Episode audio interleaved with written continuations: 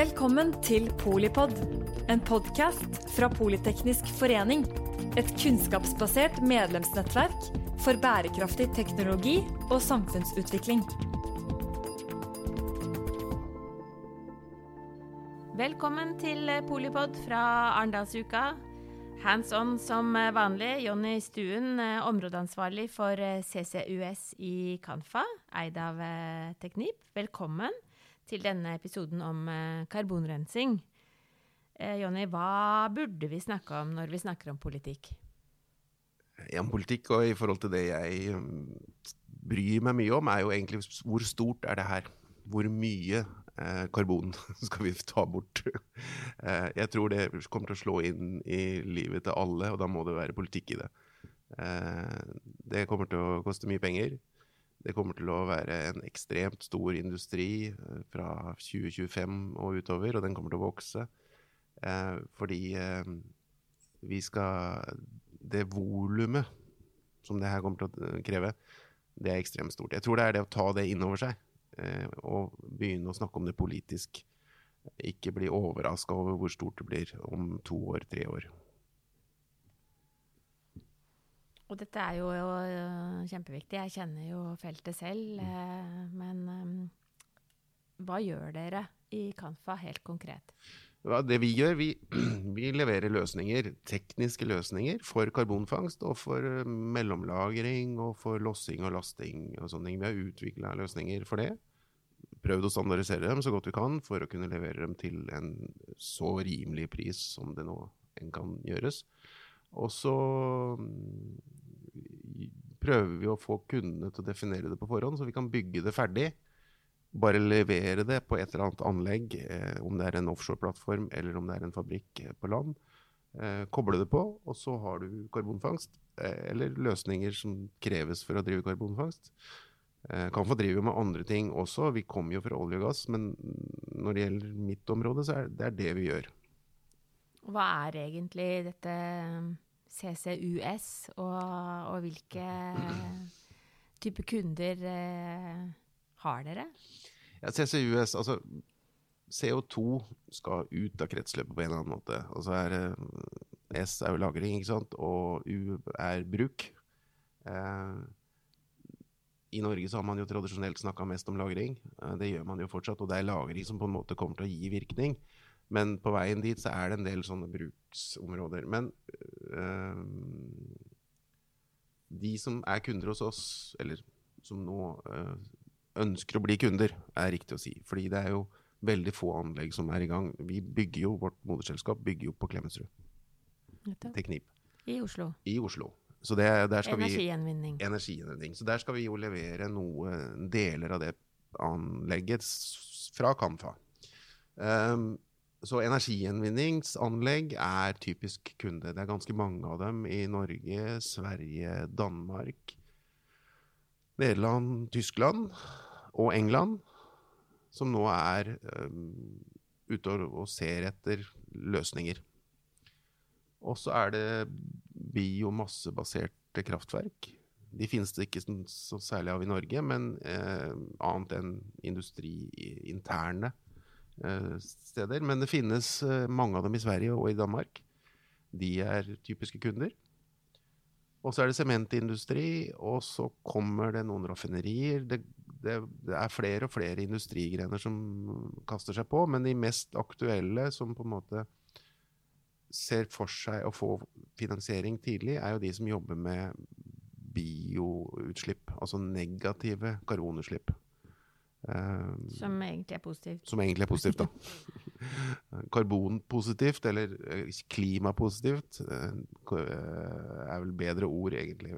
Jeg vet både Bellona og noen andre har prøvd å få skal vi si, nomenklaturen endra, men det er litt vanskelig. Fordi altså Du nevnte jo at, at, det kommer til å bli kjempestort, og, men det kommer også til å, å koste. Men hva er um, altså, hva, hvor stort kan det egentlig bli?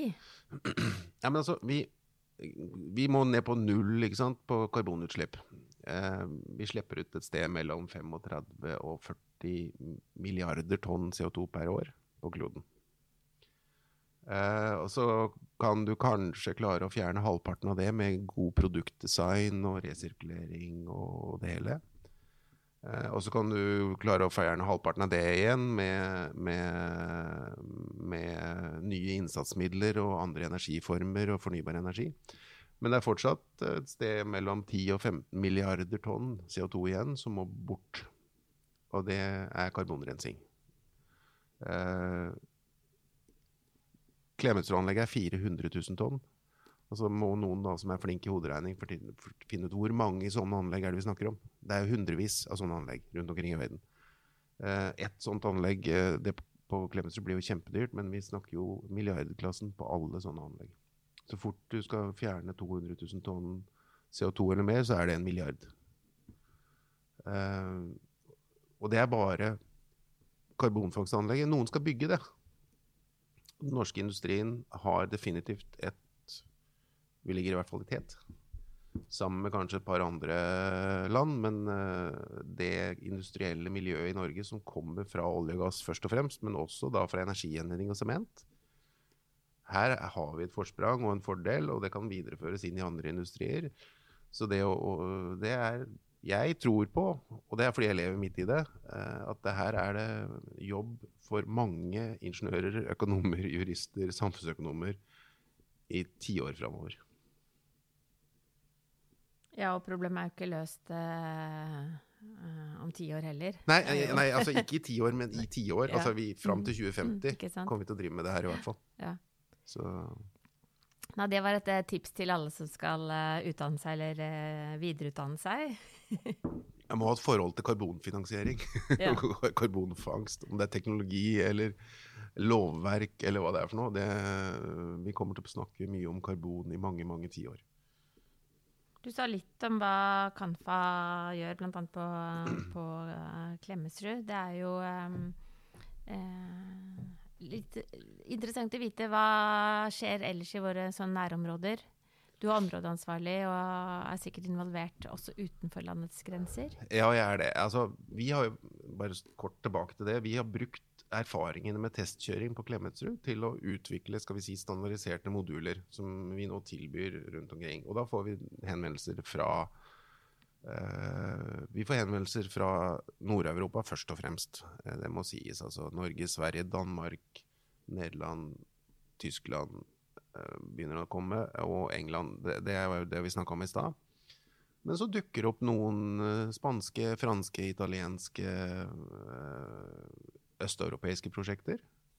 Og så får vi en og annen forespørsel fra Afrika, Asia og Sør-Amerika. Så det er, men det er ofte drevet da av tilknytninger til europeiske eiere. Mm, mm. Hvor europeiske eiere sier at uh, den standarden vi kjører i Europa, den skal vi også ha worldwide. Uh, så, så, så det, men, men, det er Og så er det da de bedriftene eller industriene som jo har ligget i Northern Lights med sement og, og, energigjenvinning, og også da biomasseanlegg, som jeg snakka om i stad. Eh, men så kommer det smelteverk, det kommer eh, raffinerier, det kommer, det kommer hva er Northern som, Lights? Du må bare Ja, hva er nord Nordlyset, men Nord, Ja, nei, men altså, så klart, jeg tror alle som jobber med karbonfangst i Norge, vet hva Northern Lights er. Men, men det å få på plass en hel verdikjede med fangst, eh, mellomlagring, transport, logistikk og så eh, lagring i, eh, i, Nordsjøen, det har ført til en masse kunnskap på alle de områdene som fører til at eh, det er andre som ser at det her er mulig. Nå kommer jo masse lagringsprosjekter i, i England, det kommer lagringsprosjekter i Danmark, som fører til at det er plass til mange, mange flere eh, som kan bygge. Og det er lagring på, i Nordsjøen, ikke sant? Eller under Nordsjøen? Under Nordsjøen. Eh, jeg hørte Det dukker jo opp et dansk prosjekt nå hvor de snakker om under fastland. Mm. Men, eh, og nederlenderne har vel ikke turt å begynne med det ennå, men de har jo også områder hvor det er mulig å drive under fastland. Mm. Men det er jo Nordsjøen vi snakker om foreløpig. Dette med at um, at Norge har komparative fortrinn. Det er klart Norsk sokkel er jo eh, et kjempekomparativt fortrinn, både mm. geografisk og kompetansemessig og, og, sånn. Men er det Jeg tenker litt i forhold til tempo på utviklingen, da. Altså, for det er jo ikke uh, lenge til uh, 2030. Det er eh, egentlig ikke så lenge til 2050 heller, i forhold til å skalere en ny industri. Så hvordan, eh, hvordan jobbes det med det? Ja, nei, altså jeg, jeg, Sverige og Danmark jobber nå eh, i forhold til at de har sagt at de skal utby auksjoner på CO2-kvoter. Eh, fører til at eh, de, der jobbes det veldig kraftig fra industrien og leverandørmarkedet med å etablere løsninger for å kunne være i stand til å by på de auksjonene som nå kommer i høst. Og det gjør at de utvikler og tenker mer på infrastrukturløsninger. De tenker på eh, tredjepartstilganger. De tenker på flere lagringsmetodikker. De tenker også, i hvert fall i Danmark, i noen større grad på CCU enn det vi har gjort i Norge. Hvordan kan vi utvikle et, altså bruk av, eh, bruk av CO2-en? Og da er det jo biofuel Eh, eller hva vi skal kalle det for noe, som eh, er eh, greia. Hvor du bruker CO2-en, kombinerer den med hydrogen, og så har du metanol eller ammoniakk eller sånne ting. Der er det en del Vi ser også at det er en del henvendelser fra det markedet. Eh, mange selskaper som jobber med å utvikle sånne anlegg. Og det er jo en forutsetning. En billig tilgang på fornybar energi. Så da er du i Nord-Sverige eller Nord-Norge. Eller så har du sol og vind. mm, mm. Fordi det er klart at uh, det kanskje å bruke den billige energien i Nord-Norge til å produsere biofuel, kontra å føre krafta over med noen kabler, det er en god diskusjon som er midt i tida akkurat nå. Ja, det er jo mange, alle vil jo uh, bruke den krafta til noe fornuftig, selvfølgelig. Ja, og da, og da kan, du, kan, du, bruke den krafta til å produsere hydrogen. Mm. Også, men da må hydrogenen tas videre til da metanol eller uh, ammoniakk eller noe sånt, for den må jo være lagringsdyktig og transportdyktig. Jeg noterer så blekket spruter her. Jeg tenker at det er, uh, det er interessant å også det, er, det er jo en, på en måte kompleksitet i at uh, alt henger sammen med alt, men så er det eh, veldig håndfast og helt konkrete prosjekter dere faktisk, og, og, teknologier dere faktisk har klart. Du, jeg spurte deg om, om, global vekst og sånn, og så sa du ingenting om Kina. Men Nei, men jeg, jeg, jeg, vi snak, har jo snakka om det på forhånd litt, grann, og jeg, tror at vi får noen sånne overraskelser, sånn som vi fikk. Jeg har jobba med energigjenvinning i 20 år snart. Ikke riktig, men nesten. Eh, og så tenkte vi at Kina, der skjer det ingenting eh, i mange år. Europa har vært uh, huben på det, med fem til ti store teknologiselskaper som har levert løsninger. Og så i vet ikke jeg, 2016 eller noe sånt, så begynte vi å snakke litt dypere med Kina og kinesiske representanter. Og plutselig så sier de at ja, vi har bygd 200 anlegg, og så har vi 300 anlegg til på gang. Eh, og de bygger vi eh, med kinesiske selskaper. Eh, den teknologien de bruker, har de jo lært i Europa. Og jeg tror kanskje det skjer også på karbonfangst om ja, si to år, da, tre år, så plutselig kommer det kinesiske selskaper og sier at nei, vi har bygd karbonfangst på 50 anlegg eller 100 anlegg, og vi skal bygge på 200 til neste år. Eh, basert på innenlandsk eh, industri, men sannsynligvis ikke med noen nye Skal vi si for noe? Ikke med noen revolusjonerende teknologiske løsninger. Eh, basert på amin, chilled ammonia, basert kanskje noe membran. vi får se.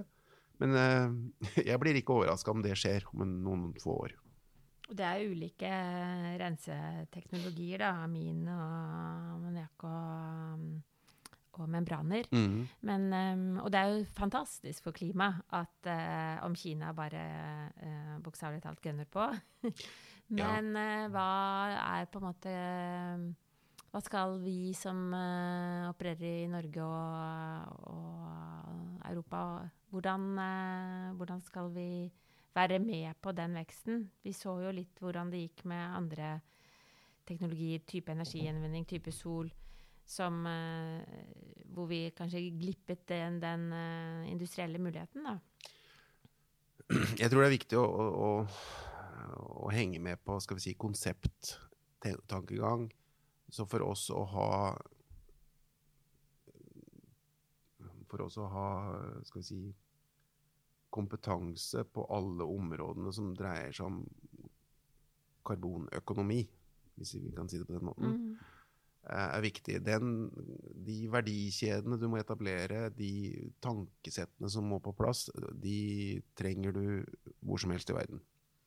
Eh, se på det vi gjør i Kamfa. Vi driver prosjektering og design og og innkjøp og si, koordinering mellom uh, underleverandører. Men vi produserer jo der det er mest praktisk for det aktuelle prosjektet. Mm. Skal det leveres i Norge, så er det naturlig å produsere det i Norge. hvis ikke det blir veldig, altså, mm, Som regel er det faktisk best å produsere i Norge for å levere i Norge, og kanskje også i Norden. Men hvis det skal leveres i Afrika, så kan det jo like gjerne produseres i Midtøsten eller i Sørøst-Asia. Altså det handler om størrelsen på prosjektet, hvor mange mannetimer som skal inn, hvor mye stål som skal inn, hvor, hvor er det kapasitet på produksjonen. Produksjonen er en ganske liten del av et sånt prosjekt. Det er veldig mye tankegang på forhånd, og det er veldig mye operasjon etterpå. Men akkurat det å produsere stålet, sette sammen stålet, det er en ettårsprosess uh, på et prosjekt som kanskje har fem års beslutning og utviklingsstadie, og så har det 20-30 års operasjon. Det ene året, om det produseres i Norge eller et annet sted, det er ikke viktig, men hvis du har kunnskapen til å drive de prosjektene og drive operasjonen, det tror jeg er viktig. Det må jo være drømmejobben for uh, alle prosjektfolk, alle prosessfolk. Og, og, kanskje også alle som har lyst til å jobbe litt uh, tverrfaglig da, med klimaløsninger. Uh, ja, jeg, ser, jeg, kjenner jo en par jurister som har jobba med det her noen år, fem-seks år, både på Universitetet i Oslo og et par andre steder her i Norge. De er jo like viktige for løsningen som en teknolog. Så, så, fordi lovverket de, i de forskjellige landene er jo, virker mot hverandre og er ikke samordna. Og, grunnlaget for å betale subsidier og hvordan det skal finansieres, det er forskjellig fra land til land. De fleste CO2 er globalt. Eh, og da må man tenke global samordning, om det er teknologi, økonomi eller øh, juridiske problemstillinger, så må det så må det tenkes globalt. Og, og, og, det å bygge kompetanse på det, det har vi gjort i noen år allerede. Gjennom Gassnova, gjennom eh, Universitetet i Oslo, gjennom Sintef og NTNU. Det finnes ganske mye sånn type dybdekompetanse i Norge, og i hvert fall på hvilke problemstillinger som ligger foran oss. Så er det å få opp de praktiske løsningene, da. Og det, det er jo det vi driver med nå. Ja, hva er konkret fremdrift på ja, f.eks. Klemetsrud, da, og, det du ser i pipeline? Klemetsrud begynner nå. Begynner faktisk praktisk bygging nå, ikke sant. Eller Foreløpig så er det mange ingeniører som sitter foran en skjerm og tegner og, og, og konstruerer, men eh, øyeblikkelig er det stål som begynner å bli satt sammen. ikke sant? Så Det begynner nå og skal være i drift i 2026, så vidt jeg husker. Eh, så det er et ganske langt prosjekt i gjennomføring. Og så er det nå konkrete anbudskonkurranser ute i Norge, Sverige, Danmark, Nederland for gjennomføring på prosjekter som skal være i drift i 2025.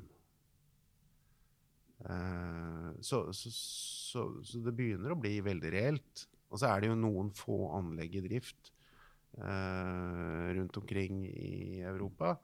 Uh, som man høster erfaring med og bruker mm. inn i de praktiske prosjektene. Men 2025, da vil jeg tro det kommer kanskje ti anlegg i Europa i drift uh, allerede.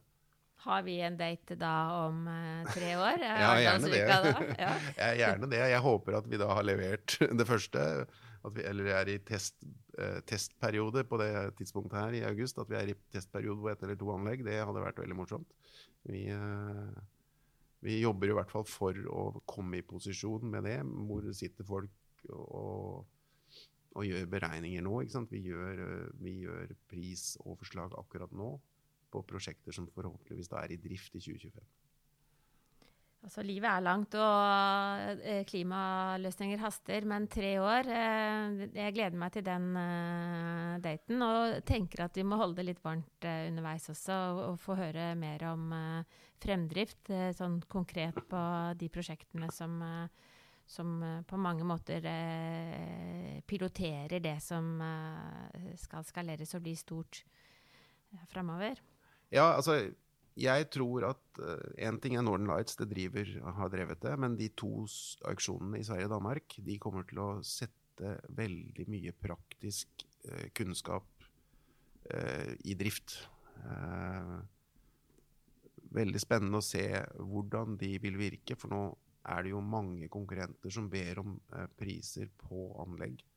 Og så er det jo bare én eller to av de kanskje åtte-ti i hvert land som faktisk kommer til å bygge, i hvert fall basert på den auksjonen. Men så er det mange av dem som også sier, sånn som Klemetsrud sa på veien, at eh, hvis vi ikke får finansiering her, så fortsetter vi. Da har vi et prosjekt som er klart, men da må vi finne finansiering på en annen måte. Så, så, så det er jo en, en, måte å få fram prosjektet på uten at uh, man med offentlig med penger må betale alt. Fordi det er klart at da blir det gryteklare prosjekter som bare kan som er klare til å settes i gang, bare man finner penga. Og, og, de penga kommer. Det er eh, herlig med en uh, optimistisk eh, Jonny Stuen. Jeg tenker at ikke bare har vi en date i 2025, men vi har kanskje noe underveis med svensken, dansken og nordmannen. Ja, det hadde vært morsomt, faktisk. ja, så det blir fint. Takk, Jonny Stuen, områdeansvarlig for um, CCUS i Kanfa, eid av Teknip. Uh, tusen takk til deg også som hører på Polipod uh, når og hvor det passer deg. Nå vet du faktisk ganske mye mer konkret om uh, karbonrensing. Takk for at du lyttet til Polipod fra Politeknisk forening. Få med deg flere episoder, eller bli med på nettverksmøtene som du finner på at polyteknisk.